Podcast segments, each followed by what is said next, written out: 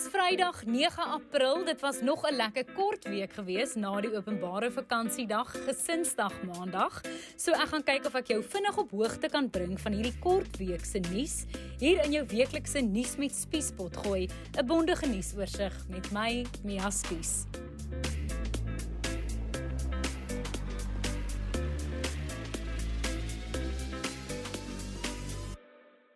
Die grootste nuus hierdie week is dat die Paasnaweek se pad sterfte syfer bekend gemaak is.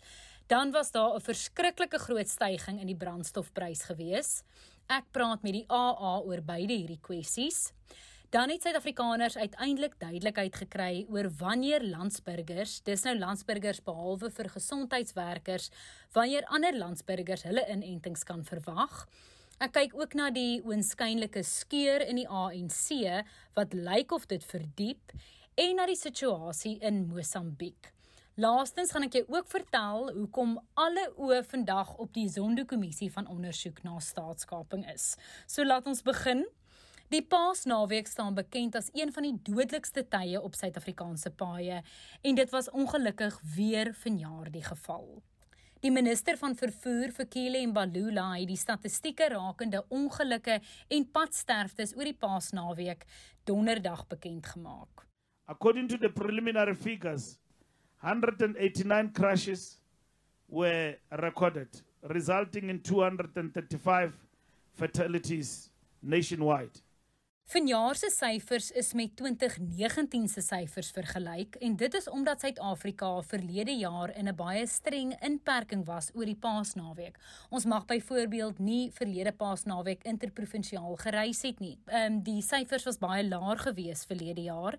As mens vanjaar se syfers vergelyk met 2019, was daar bykans 'n 10% afname in sterftes. We have made headway in reducing the number of crashes in general and fatalities in particular.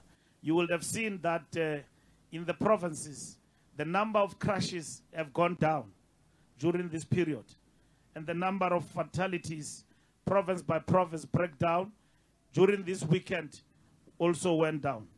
The number of crashes, crashes have been reduced by 2.1%, while fatalities came down by 9.6%.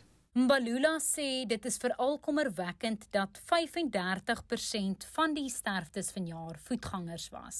Ek het vir die woordvoerder van die AA, Leighton Beed, oor vanjaar se syfers gevra posisie is natuurlik altyd dat een sterfte op ons baie een sterfte te veel is en ons sal graag wil sien dat die intense ehm um, uh, wetstoepassing wat ons uh, deur hierdie tydperk gesien het nie net gebeur oor hierdie periode nie maar elke dag van die jaar. Dan bly ons op die paaie vir nou.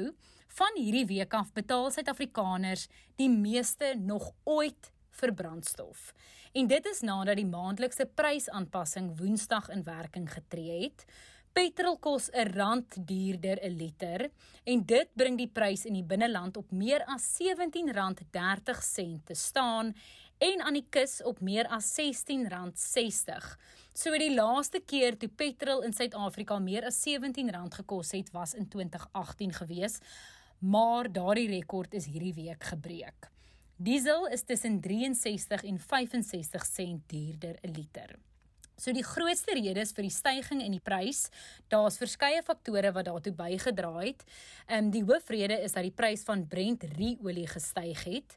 Dan is dit ook omdat die rand teen die dollar verswak het en die brandstof en padongelukke fondsheffing um, tree ook hierdie maand in werking. Dis daai heffings wat die minister van finansies in sy begrotingsrede aangekondig het.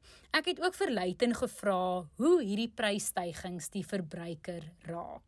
As jy na die brandstofprys kyk of jy kyk na brandstof meer spesifiek, word dit gebruik in in baie sektore, die landbousektor, uh die vervaardigingssektor en sodra daai insetkoste styg, dan beteken dit dat die koste om 'n sekere produk te vervaardig natuurlik ook gaan styg. En om daai rede sal dit deursyfer na die verbruiker toe. Nou na COVID-19 nuus, Suid-Afrika se COVID-19 dodetal het hierdie week die 53000 kerf oorgesteek. Die infeksiekoers lyk op die oomblik stabiel, sê kenners, maar dit reflekteer nie noodwendig die impak van Paasnaweek nie. Ons weet daar was oor Paasnaweek samekomste, baie mense het gereis, baie mense het van openbare vervoer gebruik gemaak en kenners sê egter dat die impak daarvan eers oor so 2 weke na Paasnaweek sigbaar gaan wees. En dit is oor die sogenaamde inkubasietydperk. En dit is die tyd tussen die punt waar die virus opgedoen word en die punt waar simptome van die siekte begin kop uitsteek. En dit is so tussen 5 dae en 14 dae. Dan nog COVID-19 nuus. Die DA het hierdie week gevra dat die Menseregte Kommissie dringende ondersoek moet doen na wat hulle noem die regering se misdadige stadige pas waarteen die inentingsprogram uitgerol word. Die minister van Gesondheid, Dr. Zweli Mkhize, het hierdie week terugvoering gegee oor die regering se inentingsplan. En Mkhize het gesê dat die volgende fase van die inentingsprogram, dis nou wat bejaardes en noodsaaklike werkers insluit, besluit definitief volgende maand sal begin. Sover is nog net gesondheidswerkers ingeënt, so van volgende maand af sal ander kwesbare Suid-Afrikaners ook inentings kan ontvang. We have now secured a combined 51 million doses of vaccine uh, in the agreements that have been signed. 31 million from Johnson & Johnson, which is a one-dose vaccine, and then 20 million from Pfizer, which is two-dose vaccine.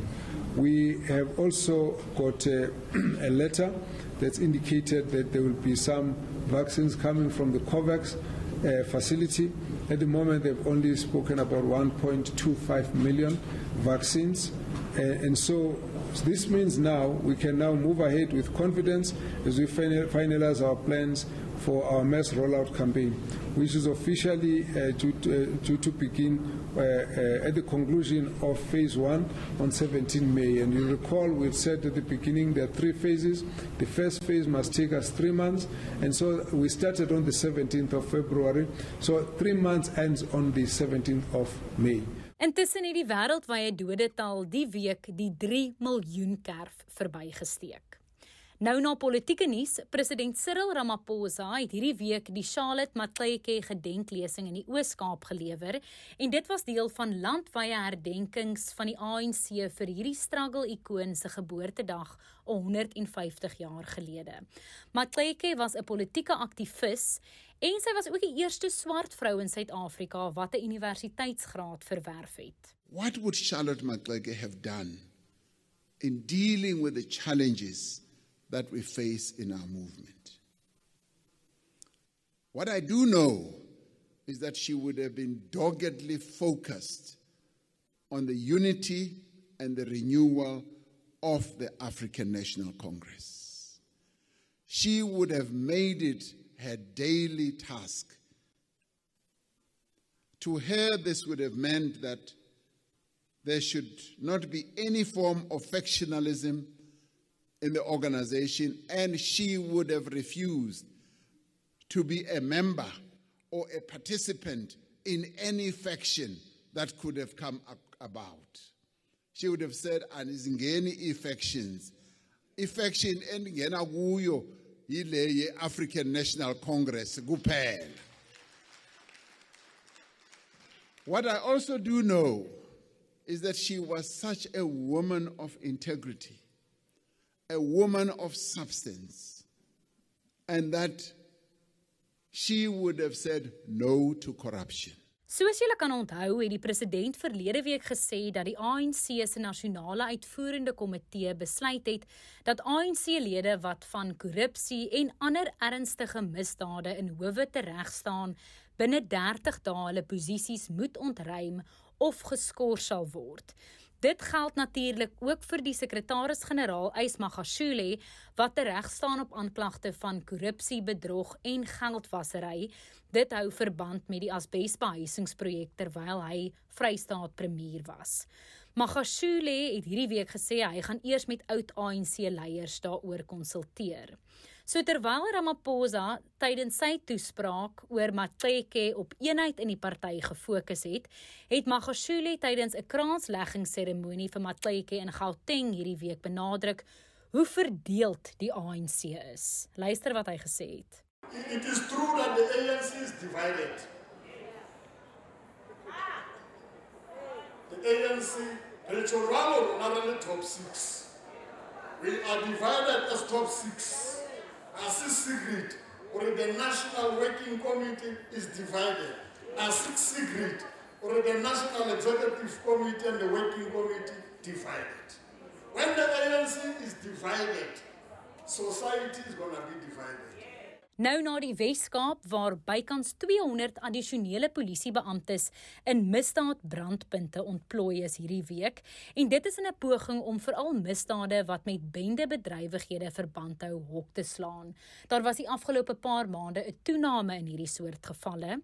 Die minister van polisie, Bekkie Cele, was hierdie week in die Wes-Kaap vir die ontplooiing van die ekstra um, polisiebeamptes um, wat in onder meer Delft, Khayelitsha, Mfuleni en Nyanga ontplooi sal word. Taylor het ook hierdie week 'n taakspan besoek wat afpersingssindikate in die provinsie ondersoek. Dit is ook 'n groot krisis in die Wes-Kaap en in die Kaapstad Metro die laaste ruk. Criminals that make life unbearable for the citizen of this place. Those that they rape women and young people, that those they break houses and rob, those that they shoot people, they shoot women. Make sure that they steal cars, they hijack cars, they kill everybody. I'm talking about those people. Those people must not have peace. There should be no peace for those people. The oxygen must be squeezed. They are wasting oxygen.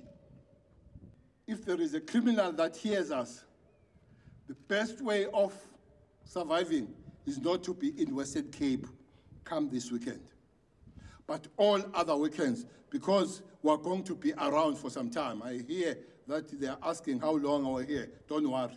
Don't worry. We're going to be here for some time.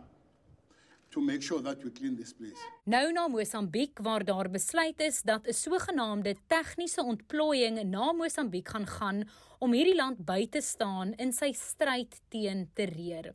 So hierdie besluit is by 'n spesiale beraad van die Suider-Afrikaanse Ontwikkelingsgemeenskap geneem. En dit is hierdie week gehou. Verskeie staatshoofde, onder meer president Cyril Ramaphosa, het hierdie beraad in die Mosambiekse hoofstad Maputo bygewoon.